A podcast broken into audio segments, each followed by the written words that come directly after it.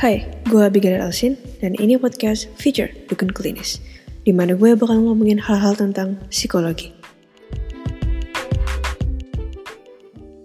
Halo guys, kita ketemu lagi di podcast Future Dukun Klinis Hashtag session 2 yang bakal ngebahas tentang drakor, drama Korea atau korban drama Nah, di session 2 ini gue bakalan ngobrol baru psikolog yang hits nih Kak Ega Alfred Kak Ega adalah seorang psikolog yang memiliki konsentrasi di klinis dewasa dan beliau juga aktif mengedukasi di media sosial tentang kesehatan mental.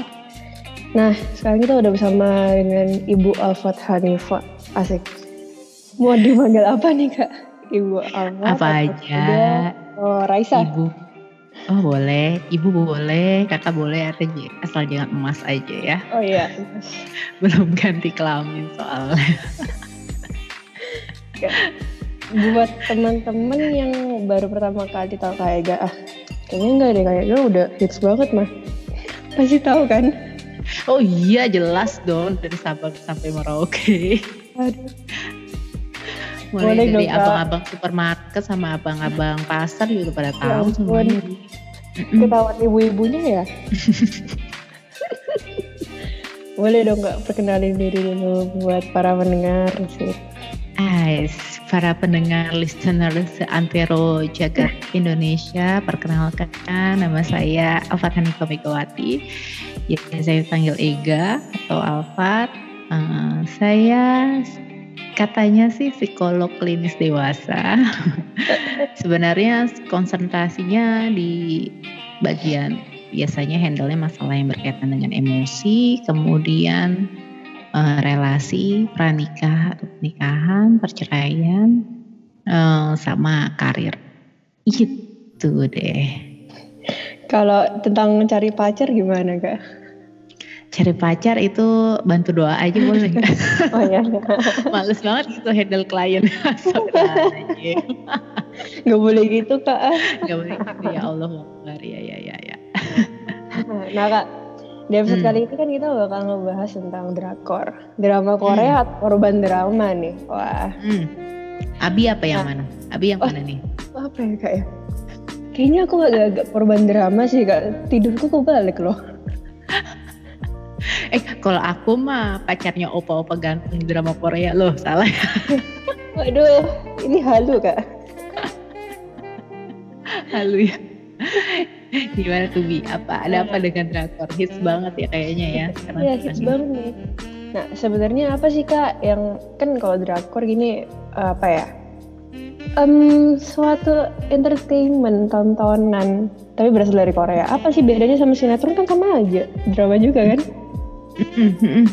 Eh sebenarnya tuh ya dari zaman gue muda tuh ya Bia itu tuh drakor tuh sebenarnya udah ada. Zaman gue muda ya Allah kayak saya tua banget gitu ya. Cuman dulu tuh kita kalau mau nonton tuh harus nyewa di DVD rental. Nggak ada yang kayak sekarang tuh yang pakai web terus di TV tuh udah ada banyak penjamur ya. Dulu tuh kita kalau mau nonton drama Korea gitu ya atau uh, Jepang drama Jepang gitu ya harus ke rental DVD gitu. Terus uh, berapa set gitu tuh apa namanya episodenya sesuai uh, CD-nya sesuai dengan berapa episodenya dulu zaman dulu. Tuh sebenarnya udah ada gitu. Tapi memang karena kemajuan teknologi hmm, dan ya uh, drama Korea juga berevolusi yang menjadi jauh lebih baik dibandingkan dulu juga ya. jadi uh, apa namanya banyak orang yang tertarik gitu ya untuk mengikuti gitu ya mulai mulai menjamur gitu akhir-akhir ini gitu. Nah sebenarnya ada lobby penelitiannya. Jadi si drama Korea ini memang mempunyai dampak positif uh, di luar dari dampak negatifnya. Bahkan katanya dari penelitian itu drama Korea ini uh, jadi media yang sangat efektif untuk melakukan edukasi terkait dengan mental health.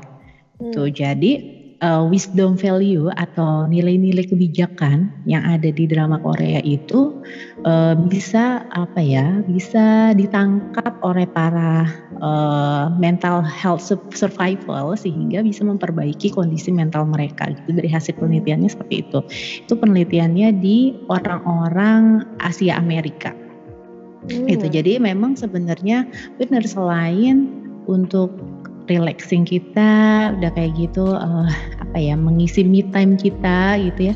Uh, secara mental health pun sebenarnya dia punya wisdom value yang uh, uh, sangat bagus untuk dipelajari.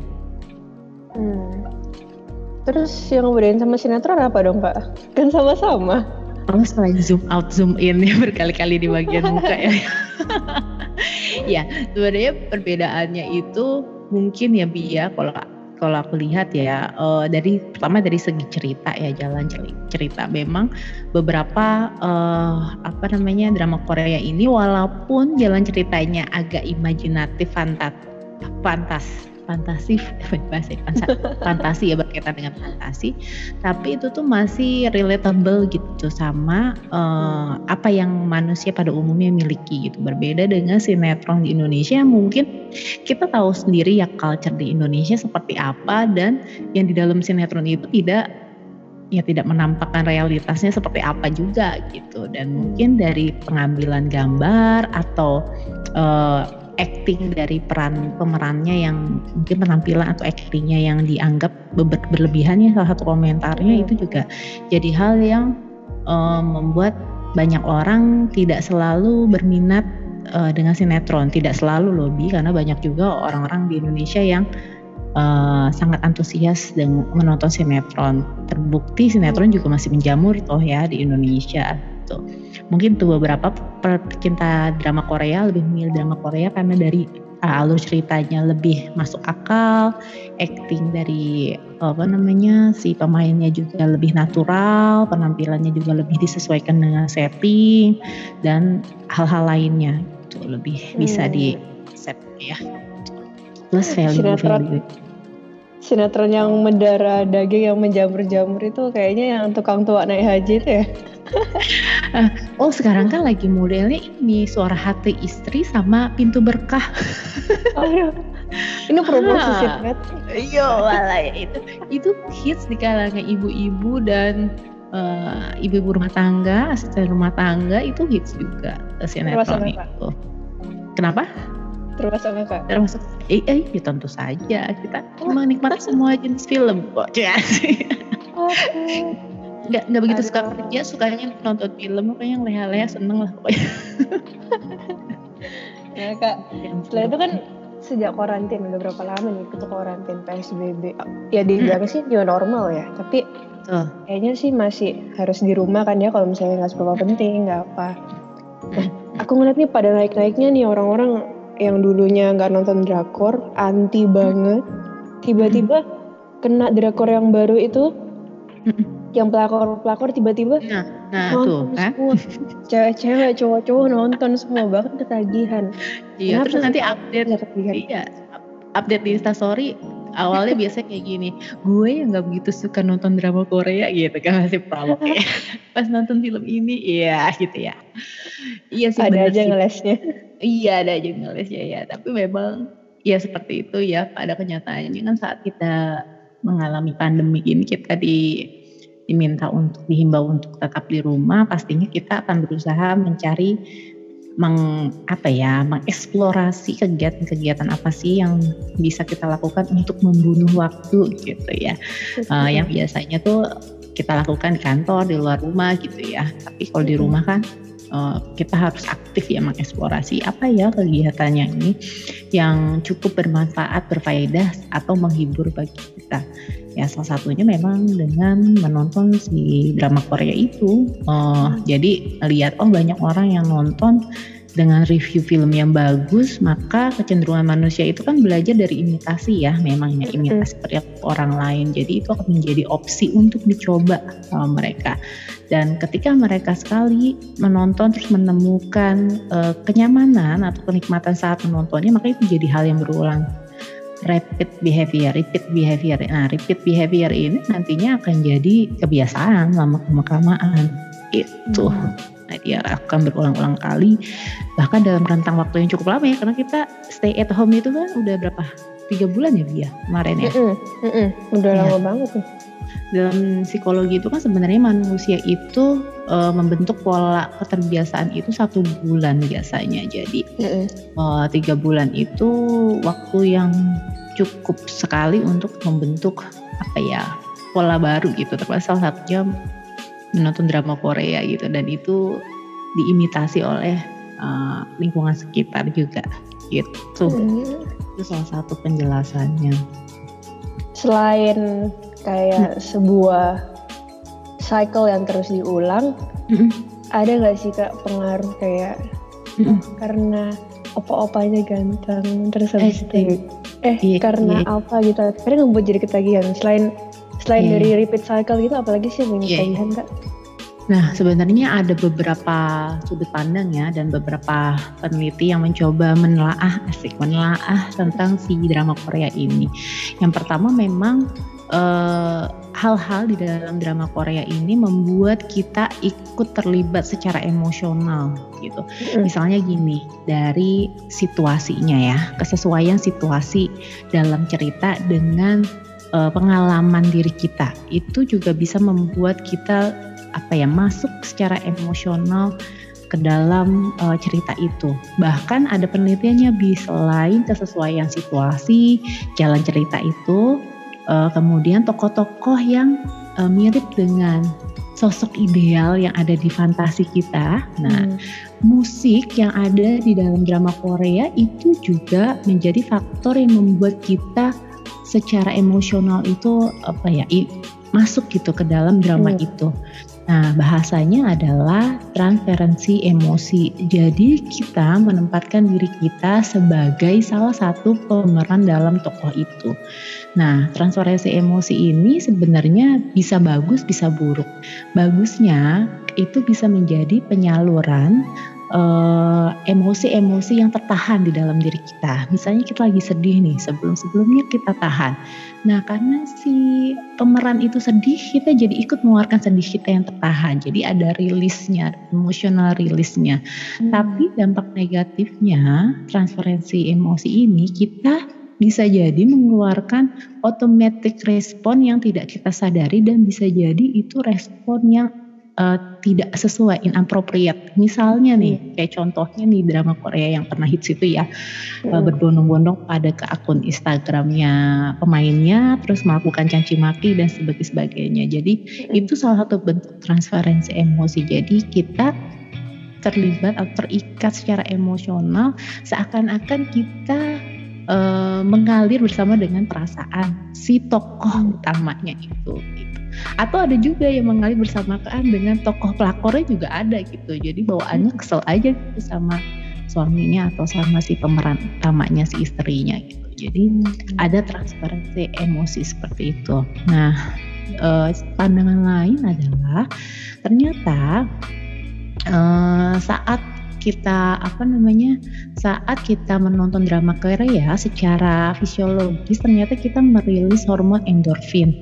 Nah, salah satunya efeknya dari si hormon endorfin ini adalah uh, ambang batas sakit kita itu menjadi meninggi gitu. Hmm. Jadi kita dengan mudah merasakan uh, apa namanya uh, rasa sakit yang dialami oleh pemeran itu kita merasakan hmm. rasa sedih dialami oleh si pemeran itu nah balik lagi ini bisa jadi bagus bisa jadi buruk kalau misalnya hmm. kita bisa menempatkan boundaries kita sebagai penonton dan itu peran dalam film gitu jadi tidak hmm. terbawa seperti yang terjadi pada transparansi emosi gitu bi kurang lebih dari penelitian-penelitian banyak ternyata sudah waktu melakukan penelitian-penelitian karena memang boomingnya itu bukan hanya di Indonesia tapi ternyata di beberapa negara uh, Korea culture ini bukan hanya dramanya ya tapi kayak K-popnya itu juga cukup menjamur ya hmm. tuh bi aku tuh ini loh kalau nonton drakor itu apalagi yang kemarin yang ngetren itu hmm? apalagi episode terakhir aku tuh sampai nangis loh maksudnya kayak oh, kerasa banget kayak uh, walaupun aku nggak ngerasain ya maksudnya aku nggak pernah diselingkuhin ya jangan sampai ya. Itu bisa kayak uh, I feel you gitu loh. Bener-bener kebawa banget emosinya. Itu sih kerennya drakor. Iya itu memang dia membawa simpati apa ya me, memicu rasa simpati kita ya. Itu simpati yang berlebihan itu jadi transferensi emosi itu. Kadang ada beberapa scene yang memang gak exactly sama dengan uh, pengalaman yang kita alami tapi ya agak similar gitu. Misalnya perasaan tersakitinya perasaan ditinggalkan oleh orang yang kita cintai walaupun bukan dalam bentuk perselingkuhan tapi ditinggalkan oleh orang yang kita kasihi itu tuh bisa jadi satu hal yang similar gitu atau mm-hmm. kita misalnya merasa dihianati pernah punya pengalaman merasa dihianati walaupun bukan diselingkuhi tapi dengan cara yang lain situasi itu jadi mengarouse apa namanya ya emosi-emosi kita di masa lalu juga gitu. Jadi dampaknya memang uh, responnya jadi ikut mengalir gitu bersama dengan emosi si uh, uh, pemainnya itu gitu sih ya memang bagus sih ya. Bahkan untuk untuk film-film yang di Korea dalam Korea itu kan ada film-film yang sifatnya realistik ya. Tapi ada juga yang sifatnya imajinatif gitu ya. Fantas fantasi fantasi kayak gitu ya. Bahkan untuk yang fantasi pun itu cukup digemari juga ya oleh para netizen plus 62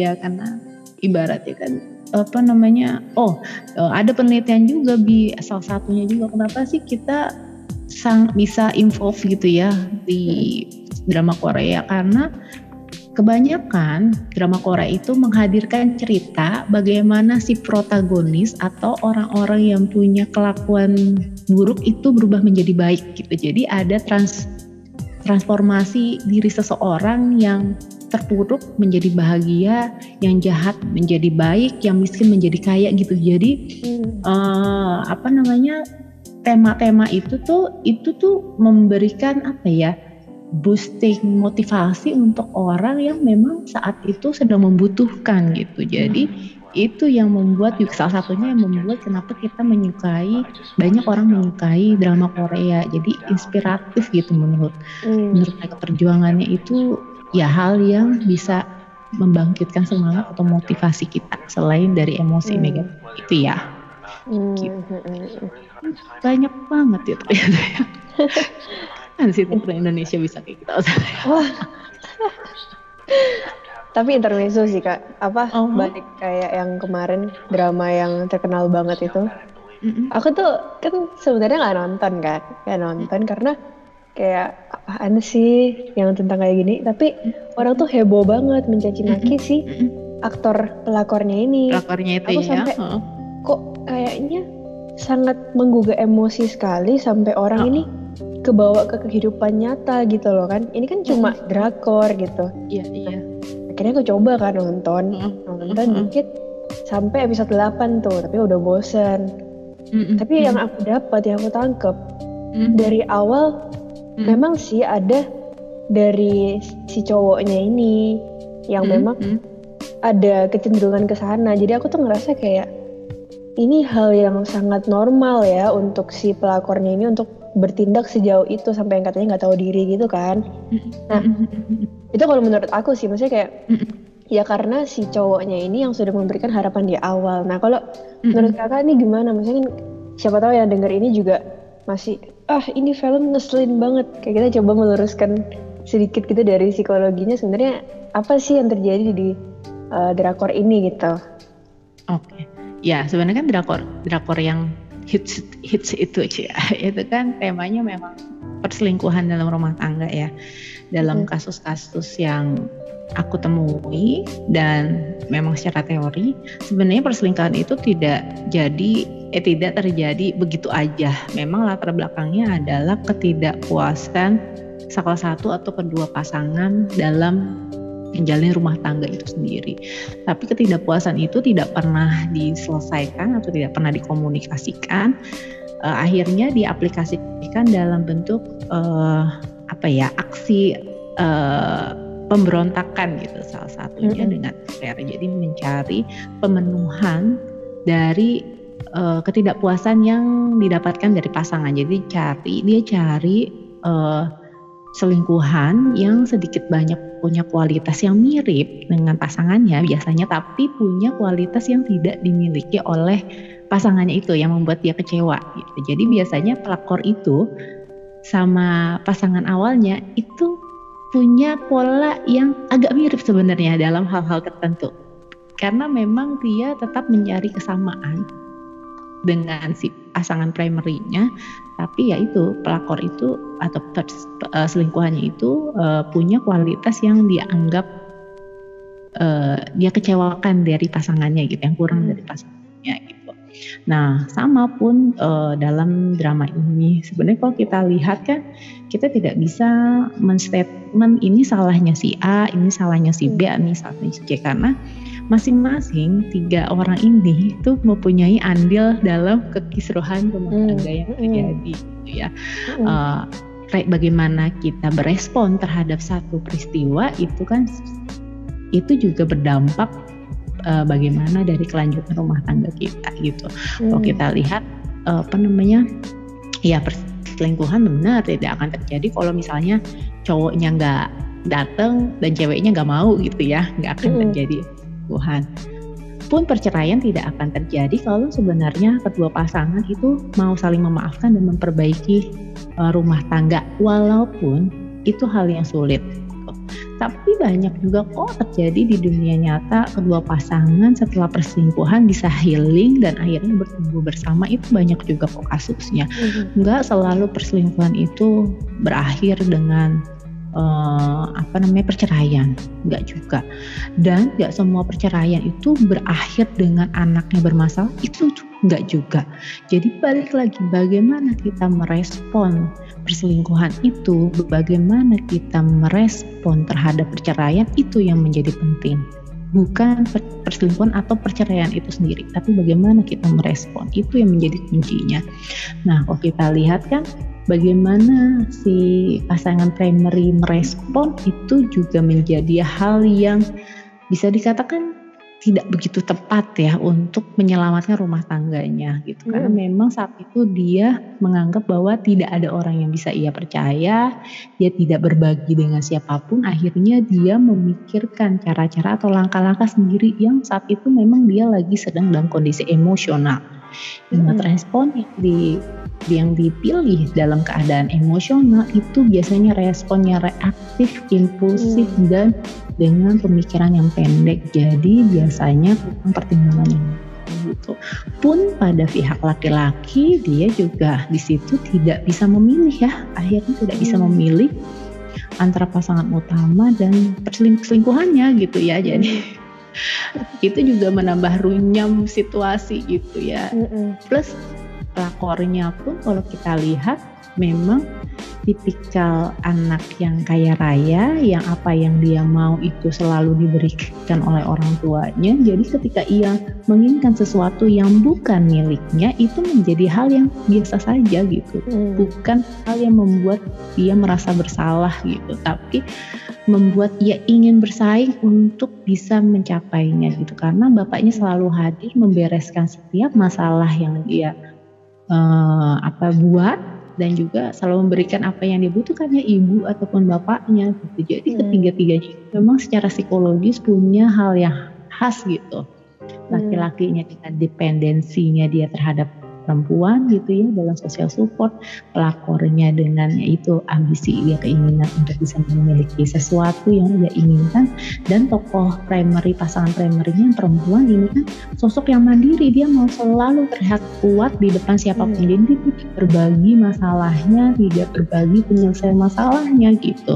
Semuanya bertimbul dia, dia ambil berdasarkan pemikiran dia saja gitu ini bisa jadi pembelajaran sih Bi untuk kita semua bahwa menyelesaikan permasalahan dalam rumah tangga itu ya uh, gak semudah itu. Kadang kita perlu bantuan orang lain kok hmm. gitu. Gitu sih kalau dari sisi psikologis ya. Yang penting Dan yang paling di Yang penting pokoknya yang penting. komunikasi kan.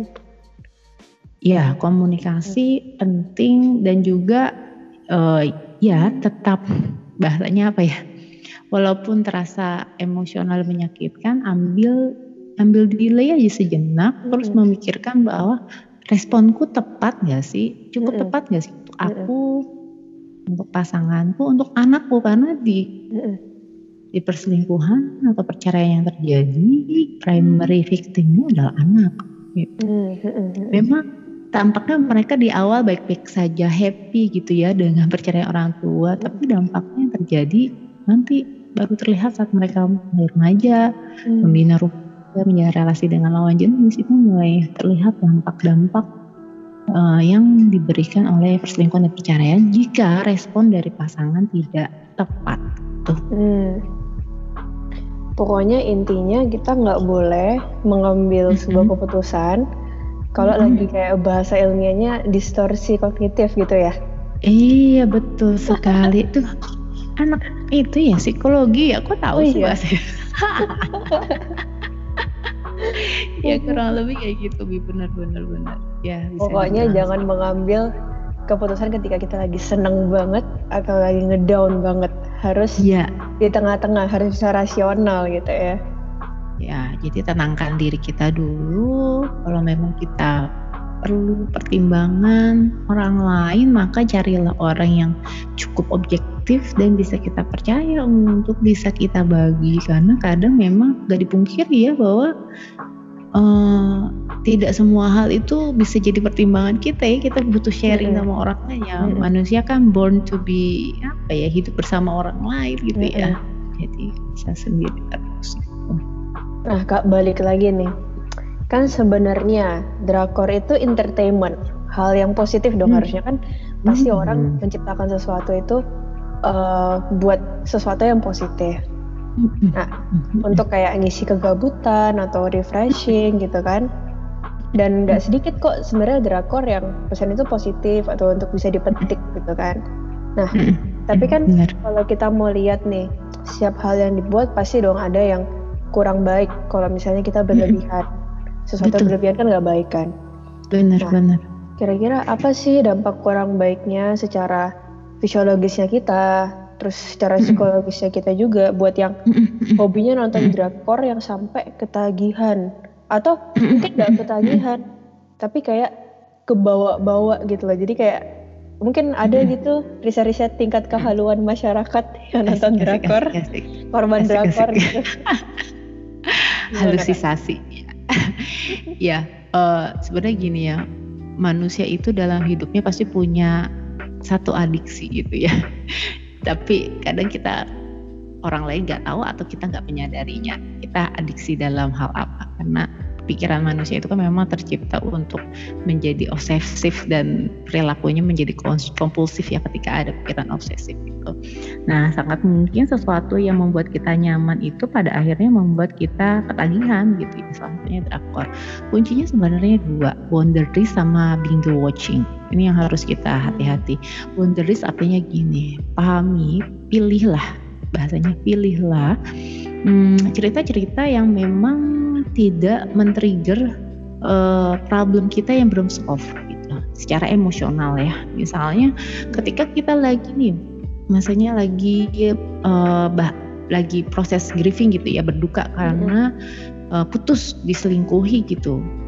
Bisa mungkin kalau kita belum siap masih sangat emosional jangan menonton drama Korea yang temanya adalah hal itu gitu karena hmm. bisa jadi itu jadi sangat emosional masuknya terinternalisasi di diri kita gitu jadi fokus aja dengan diri kita mengelola emosi kita dulu baru kalau sudah cukup soft sudah cukup stabil sudah cukup waras boleh kita mengambil uh, makna dari apa ya dari cerita di luar dari cerita kita gitu salah satunya dari hmm. drakor berarti boundaries itu penting banget untuk kita tahu nih gue ini udah cukup kuat belum sih terpapar dengan cerita yang mungkin similar dengan cerita gue gitu hmm. itu perlu banget kita untuk cek gitu nah terus boundaries ini juga kaitannya juga dengan binge watch, binge watching. Jadi gini, karakternya si drama Korea itu kan dia berepisode ya. Nah, terus endingnya itu pasti menggantung di mana kita menjadi penasaran dengan episode selanjutnya betul ya biasanya kan kayak gitu ini membuat otak kita tuh pengen ah satu episode lagi deh eh satu episode lagi ah tanggung nih ah lagi seru satu episode gitu mau nggak oh jadi kita ngikutin kalau misalnya 16 episode gitu ya rata-rata 16 ya 16 kali satu jam lah ya 16 jam bayangin kita binge watchingnya itu bisa dua hari itu nggak ngelakuin apa-apa hanya karena penasaran karena episode itu. Dampaknya apa ya? Hmm. Kita secara fisik kelelahan. Kerjaan kita mungkin kedelay menumpuk. Akhirnya ketika kita kelar nonton drama Korea, kita udah kehilangan waktu dan kita dapet stres baru. Belum lagi kita belum kelar juga mengelola hmm, apa namanya dampak emosional yang kita tangkap mm -hmm. dari yang terinternalisasi dari si drama itu gitu. Jadi mm -hmm. prosesnya akan lama. Jadi penting juga boundaries itu di set di diri kita bahwa oke okay, gue akan nonton sehari satu aja gitu satu episode mm. gitu itu udah paling bener gitu apalagi kalau nontonnya itu malam-malam gitu ya mm. memang malam itu kan uh, apa namanya uh, otak bagian emosional kita itu lebih aktif ya dibandingkan saat pagi atau siang hari. Jadi memang sangat disarankan kita itu malam itu ya memang untuk tidur gitu, bukan untuk beraktivitas karena hmm, kecuali aktivitas yang sifatnya art ya mungkin sangat dibutuhkan saat malam karena butuh hmm, sensitivitas sensitivitas emosional gitu ya. Hmm. Tapi hal-hal yang sifatnya berpikir gitu tuh mengelola, memfilterisasi dan sebagainya itu akan kurang efektif kalau dilakukan malam hari pun ketika hmm. kita nonton drama Korea yang sifatnya sangat emosional seperti itu ya jadi kita akan semakin kesulitan untuk mengelola uh, paparan emosi dari si drama Korea itu ke dalam diri kita hmm. gitu jadi perhatikan juga saat kita nonton malam hari jangan terlalu banyak nonton episode karena jatuhnya jadi seperti itu jadi kita hmm.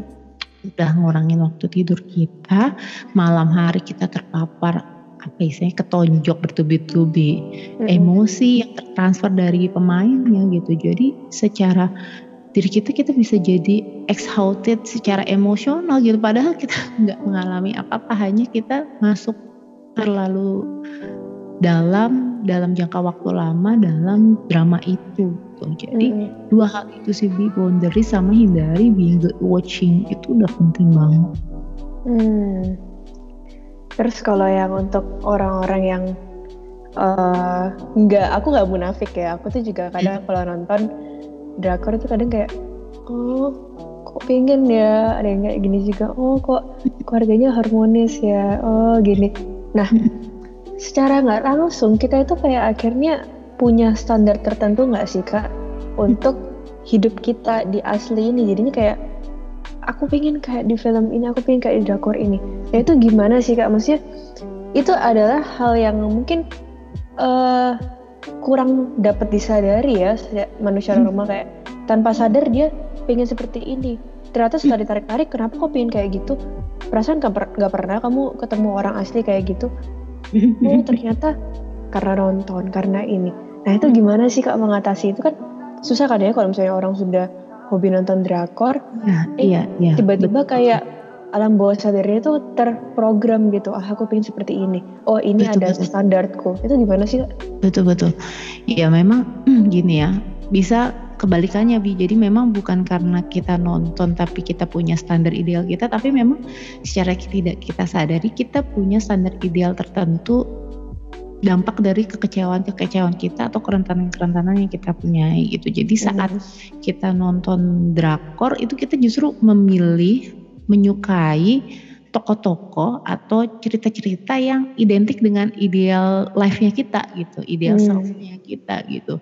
Nah, eh, itu gimana sih? Kalau pertanyaan itu gimana sih caranya? Ya balik lagi memang hmm, batasan saat kita menonton drama Korea itu penting banget karena kalau kita menghajar dalam tanda kutip ya menghajar diri kita lebih banyak waktu kita dengan drama Korea artinya kita akan bermain, bermain dengan fantasi atau ideal imagination kita aja gitu terus menerus gitu dalam banyak waktu gitu. Jadi ya penting untuk kita bilang ke diri kita bahwa oke okay, gue nonton drama Korea tapi dengan batasan tertentu gitu.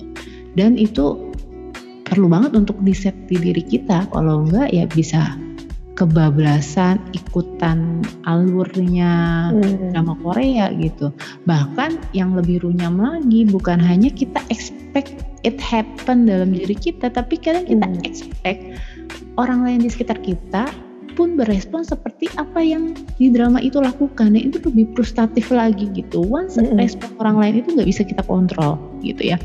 Kayak kita ngelihat di drama Korea kok uh, opa-opanya tajir kaya raya gitu ya. Jatuh cinta pada rakyat jelata wanita gitu ya. Terus dia sangat sensitif romantis melakukan apa pun.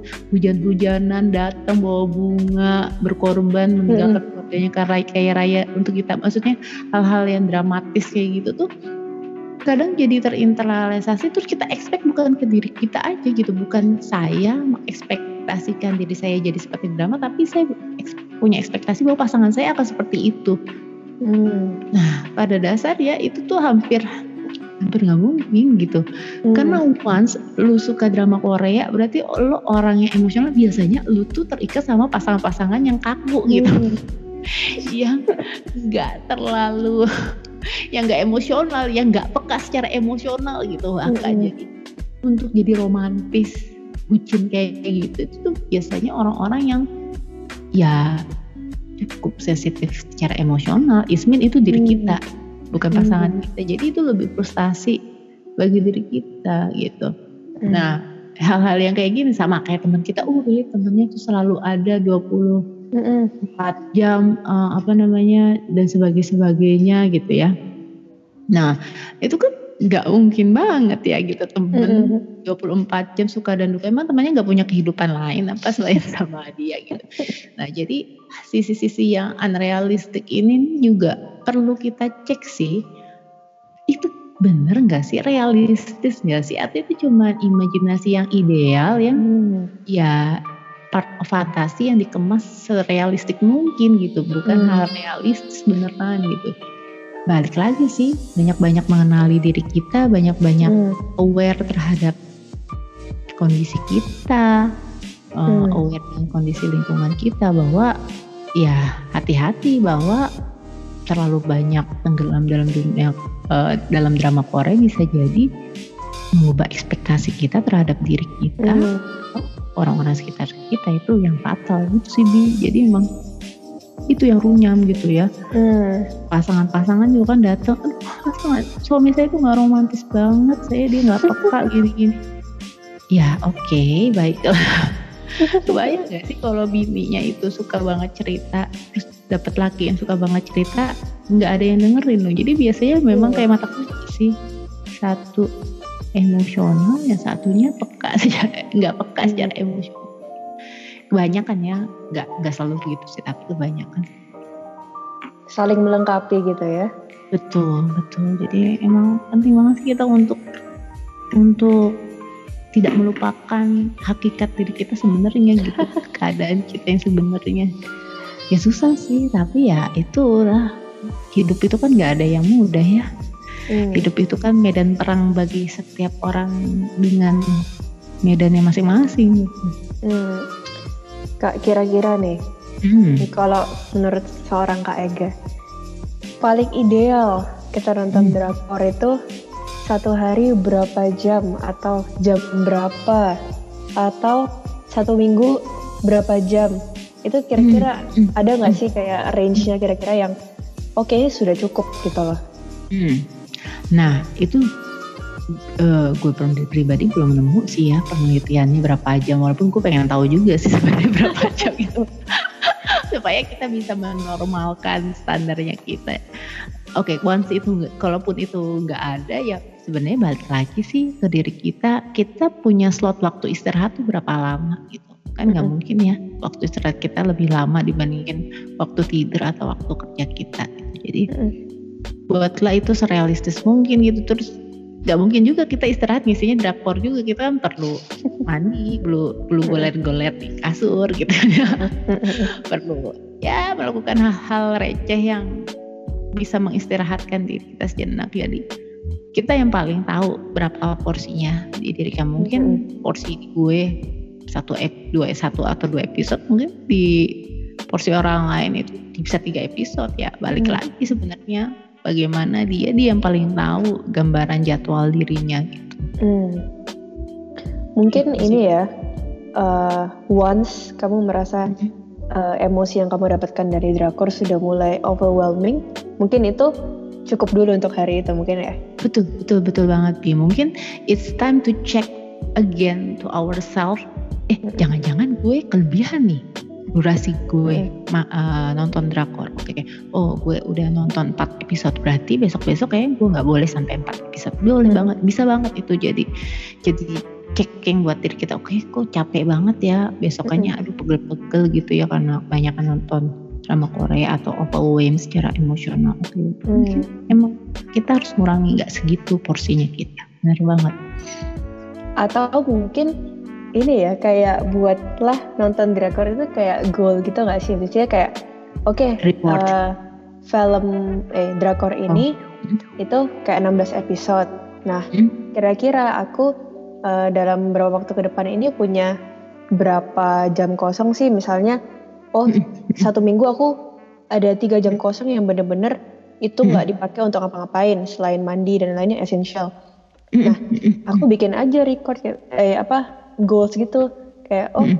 kalau misalnya aku ngabisin satu hari yang batasnya satu episode aku ngabisin empat nanti hmm. di minggu keberapa aku bakal kekurangan bisa nggak sih kayak gitu oh, bisa banget bisa banget jadi kita lebih apa ya memplotkan ya prioritas sama membagi hmm. itu supaya apa namanya nggak tercecer gitu di satu tempat hmm. membludak satu tempat terus di sisa lainnya kosong ya memang balik lagi sih Bi kita yang paling tahu ketahanan fisik dan psikologis kita kita yang hmm. paling tahu jadwal kita seperti apa jadi kita yang paling bisa memantaskan uh, seberapa sih slot kita untuk nonton drama Korea itu. Dan hmm. sebenarnya ini gak, gak cuma terjadi di drama Korea sih, bi sekarang tuh hit juga kan Netflix kan ya. Nah ini sebenarnya uh, sensasi-sensasi itu mirip dengan Netflix kan juga mm nonton Netflix gitu. Mm-mm. Ini Seven gitu kayaknya udah pada mulai bergeser ke Netflix kan Netflix juga ada drama Koreanya juga ya bener bener. gitu jadi emang uh, balik lagi sih apa ya itu benar kata Abi jadi ya checking checking checking checking lagi diri kita gitu. Belum tentu yang orang lain lakukan itu baik untuk diri kita. Karena temanku ada kak yang hmm. nonton Netflix gitu hmm. kan dulu zaman zamannya Eh temannya Abi nih, Abi cerita loh. iya kalau kamu nyadar ini ya ini buat kamu. Jadi kapan hari itu dia nawarin aku, bih nonton ini serian Spa, uh, Spanish gitu kan. Bagus nih gitu. Nah itu ada tiga season tahun lalu, ingat hmm. banget. Hmm. Terus dia bilang ke aku, kalau nggak salah ya, tiga hmm. season itu dia ngabisin dalam jangka waktu mungkin tiga hari kalau nggak salah. Tiga yeah, hari atau berapa hari dan satu seasonnya itu isinya sekitar 12 sampai 14 episode. Aku bilang kayak wow mabuk mabuk tapi memang sih kak satu episode itu yang satu jam itu berasa kali 15 menit sih. Jadi kayak nonton terus gitu loh. Yeah, nah yeah, habis itu bener, tahun ini kita kan sampai kayak wah selesai UN nih. Keluar pas season 4 nya eh tiba-tiba kan jadi nggak jadi UN kan. Nonton dia satu hari habis dong. Sampai kayak iya. oke. Okay. iya, iya. nah iya memang tuh Netflix itu agak berbeda ya sama drama Korea ya. Uh, di bagian binge watchingnya itu bisa lebih apa namanya lebih warning sih. Karena kalau Korea itu kan biasanya dia muncul kan dua episode per minggu ya. Hmm. kalau Netflix itu kan beda. Jadi dalam satu hari itu buk gitu ya. Satu hmm. season gitu. Jadi orang tuh bisa banget untuk binge watching itu hmm. ketika dia itu rilis gitu. Karena dia tuh ibaratnya episodenya itu kayak season kedua gitu. Jadi kebayang kan satu episode ini udah apa namanya ngabisin waktu kita terus misalnya berapa lama kemudian muncul season 2 binge watching hmm. lagi gitu sangat beda sama si drama Korea yang biasanya bertahap gitu ya itu lebih hmm. ya mau nggak mau kita ngebantu kita lah ya untuk nggak hmm. ter nggak ke arah binge watching itu hmm. balik lagi sih sebenarnya hmm, checking lagi tubuh kita tuh apa ya kuat gak sih nahan hmm. tontonan berjam-jam kayak gitu gitu nggak makan hmm. tidur itu karena bener kata Abi ketika kita udah masuk ke dalam si film itu si drama itu kita tuh lupa segalanya lupa waktu lupa mm. makan ya sama kayak ngegames juga gitu lupa mm. segalanya gitu dan bisa jadi kalau diingetin jadi marah gitu jadi mm. mendingan sebelum mulai nonton tuh kita udah state komitmen ke diri kita apa-apa hmm. yang apa ya khawatir kita apa namanya terjadi gitu. Mm Sampai tiga kali nih kayak gak bilang kembali lagi ke diri kalian. Lihat sampai tiga kali tadi ngomongin. Berarti bener-bener nih harus kenal diri sendiri biar nggak canduan. Karena yang bisa menolong diri kita sendiri yang paling pertama adalah ya diri ya, kita, ya, diri kita primary hero nya ya diri kita gitu. Bukan orang lain. Ya orang lain bisa bantu tapi once kita nggak bisa atau nggak mau diri bantu diri kita ya harapan itu nggak hmm. akan bisa jadi realisasi gitu hmm. deh Nah kak, kemarin kan hmm. aku ada bikin nih questions di IG story. Karena kan hmm. excited banget nih narasumbernya keren. Ya ulu ulu tolong. Aku tuh buat oh, yang pengen. Iya kan aja. Narsis banget ya. gak apa-apa. Yang pengen nanya-nanya atau sharing-sharing ke Kak Ega nih. Nah ada beberapa ya, boleh gue bacain ya? Boleh. Nah ada nih yang bilang kalau drakor itu ngebuat dia tervalidasi bahwa it's okay kok not to be okay gitu terus ada yang bikin judul baru nih yang lagi ditonton ya terus jelas aktornya karena ganteng itu gak bosan dia bilang Sebenernya. terus itu ya emang sih opa-opa ganteng itu bikin ungu banget mah yang dadanya uh, luas lapangan bola iya. gitu ya. Terus ada nih dari yang mungkin ini ya penikmat sinematografi. Katanya sinematografinya bagus katanya. Mungkin nggak yang kayak zoom in zoom out gitu ya? Iya iya, di satu muka gitu ya melotot. Mm -hmm. ini melotot. Nah sama ada yang bilang ceritanya seolah-olah indah banget. Nah ini nih gue pengen tekankan dari kata-katanya seolah. Jadi seakan tuh indah. Tapi ya sebenarnya kalau direalistiskan ke kehidupan kita which is kan sebenarnya oke okay lah kamu bilang drama Korea ini paling relatable tapi serelatable apa sih hidupnya dia kalau dimasukin ke hidupmu? Kan sangat berbeda kan hidup itu. Oke okay, mirip-mirip tapi pasti ada bedanya. Jadi betul, betul. yang perlu kita hadap tuh dia tuh seolah-olah aja. Drakor itu ya indah-indah. Oke okay, ada sedihnya tapi ya nggak serealistis itu kalau kamu terapkan ke kehidupanmu gitu loh. Benar benar benar. Benar benar Ya memang sih magic uh. magic happen ya di banyak kehidupan, tapi belum tentu magic yang ada di apa namanya drama Korea itu adalah magic yang sebenarnya kita punya di hidup kita ya. Sama ada yang cerita nih panjang nih kalian dia. Drakor hmm. itu selalu keren karena aku pencinta drakor dari kecil banget. Bahkan hmm. ortuku juga nonton jadi yang kenalin aku sama drakor. Itu ya memang hmm. mereka gitu. Hmm. Dan dari drakor bikin belajar banyak hal tentang bullying, mental illness, persahabatan, hmm. mimpi orang tua, saudara, cita-cita yang harus kita kejar. Banyak banget pelajaran yang kita ambil dari drakor dan drakor gak hanya dilihat dari romance yang lebay yang bikin orang males liatnya, justru lihat moral value-nya yang dapat kita ambil. Setiap drakor juga punya kesan berbeda yang jadi ciri khas terhadap itu yang bikin ketagihan sih biasanya aktor sama aktrisnya balik lagi nih sama sinopsis dan genrenya. Jadi ya, ya gitulah. Ya memang benar sih wisdom value-nya itu emang bagus sih drama Korea. Bagaimana seseorang bertransformasi dari sesuatu yang kurang menjadi yang baik atau bagaimana seseorang survive di apa satu kehidupan yang bertubi-tubi itu ya ada masalah ya gitu. Itu memang hal yang perlu kita garis bawahi sih mm-hmm. untuk kita fokuskan saat kita nonton drama Korea bukan apa ya uh, bukan mem, apa bukan mempengaruhi ekspektasi kita terhadap kehidupan kita dan orang-orang sekitar kita mm-hmm. tapi apa nilai dari cerita itu yang bisa kita internas internalisasi dan bisa kita pelajari mm-hmm me, mem, apa ya me, memfokuskan sesuatu dengan tepat itu juga bisa membantu kita mm-hmm. menyerap apa yang seharusnya dari drama Korea. Mm-hmm. Kayak yang apa drakor kemarin yang pelakor itu aku nonton itu kan, aku mm. benar kayak wah gila ini aku dari episode pertama menit keberapa aku udah benar-benar ngerasain gila ini pelajaran tentang psikologis itu psikologinya tuh banyak banget aku sampai kayak mm yang kan future dukun psikologis ya. Yes, iya, itu sampai sampai kayak wah ini satu kejadian ini tuh maknanya banyak banget. Tapi yang orang ambil itu yang hanya benar-benar emosinya dia gitu loh nggak lihat secara objektif. Jadi kayak bener-bener kuat banget aku sampai tusuk juga. Tapi ya untungnya sih aku bisa mengontrol sih. Ya nggak sampai ke bawah emosi ke dunia nyata sih. Iya iya. Iya memang sebenarnya value-nya itu iya banyak kalau kita bisa berpikir cukup apa ya objektif dalam kondisi yang tidak terlalu dalam letupan emosi ya banyak banget gitu value-nya yang bisa kita dapat terutama untuk drakor-drakor yang ratingnya bagus ya biasanya mm. ada juga drakor-drakor yang ratingnya kurang bagus dan memang uh, mm. ya memang secara value moral value juga rendah itu ada juga ya. Gitu. nah kak setelah cerita panjang nih kita ngobrol asik berdua gue pengen nutup podcast ini dengan pertanyaan singkat kan melihat banyaknya positif juga sebenarnya sama ada beberapa juga hal yang kurang baik jika berlebihan.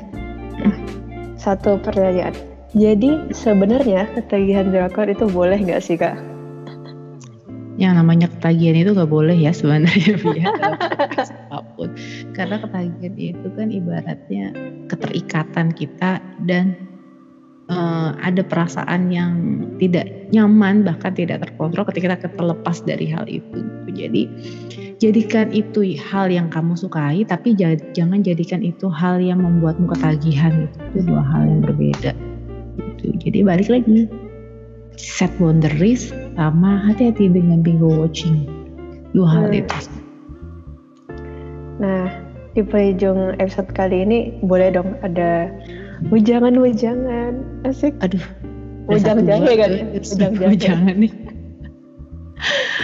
Apa ya ujangannya ya hidup itu dibawa santai aja gitu cek lagi lah ke dalam diri gitu. Jangan sampai kita terlalu berlomba-lomba menginginkan hidup orang lain yang ada di drama Korea. Jangan-jangan itu membuat kita mensyukuri dan lupa dengan sebenarnya apa sih yang bisa kita dapat dari kehidupan kita sendiri yang bisa kita syukuri dari kehidupan kita sendiri gitu jadikanlah oh, drama Korea itu untuk menambahkan ya moral value ya untuk bisa kita internalisasi ke diri kita tapi bukan mengubah ekspektasi kita terhadap kehidupan kita jadi itu dua hal yang berbeda hmm. gitu deh bi itu aja kayaknya ah, banyak bisa-bisa jadi teks naskah yang tak kelar-kelar sampai Idul Adha nanti.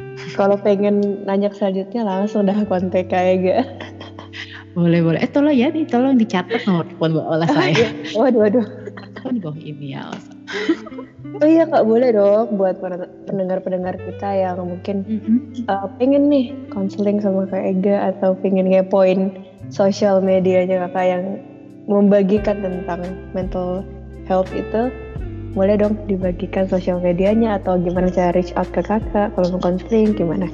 Oh, ini nih dilematis nih di satu sisi nambah popularitas tapi di satu sisi nambah kerjaan juga. Jadi jangan ditolak dong ya. Oke oke oke. Iya ya uh, kalau mau membaca hal-hal yang inspiratif lah, bacalah uh, celotehan-celotehan di Instagram gua di Ega Alfat. Uh, mau bertanya juga boleh, tapi mohon maaf untuk slow respon gitu biasanya akan dibahas saat membuka DM. yang biasanya berbagai macam cerita itu nggak bisa dibahas dalam satu waktu sekaligus. Jadi mohon maaf. Gitu. boleh banget kok yang tanya ke DM Instagram itu. Kalau mau jangan lupa follow ya guys. Ya Allah kalau mau konseling itu di situ juga ada kok di Instagram ya pengen Ay. banget gitu ya didatengin bisa kayak di situ ada kok lengkap silakan, silakan di scroll apa namanya uh, fitnya pasti ketemu deh gimana cara konseling Soalnya kayak kayak kan ini hits banget ya, parah oh, hitsnya. Oh, oh. Ngantri-ngantri sumpah. Ya, sama kayak ibu psikolog yang itu tuh ada eh, tuh enggak kayaknya. Jangan sini dong, Kak. Aduh yang itu saingan tuh salah ya. Aduh, aduh. jadi kita lanjut ke episode saingan dalam dunia psikologi. Oh iya iya boleh boleh. Dukun, oh, situ kan dukun klinis ya kalau sini oh, iya. psikolog klinis. Tetap ya nggak mau ada saingan. Aduh kak, oke lah, makasih banget loh buat perbincangan kali ini. Banyak insight yang aku dapetin dan semoga juga buat pendengar banyak insight yang didapatkan bagaimana kita mengontrol diri kita kalau nonton drakor nggak terpengaruh episode juga. Jadi see you on next episode loh kak. Aku undang oh, lagi okay. lah semoga nggak bosen ya dengan oh, suara kayak yang mendayu-dayu ini loh. Nanti aku edit jadi suara bapak-bapak kak. Oh iya loh. Untung nggak ada mukanya ntar jadi kentang iya. ya. Kentang. zoom ya Nanti kita ketemu lagi di next episode bareng podcast Future Dukun Klinis. Yeah, See you next episode. You, thank you, Kak.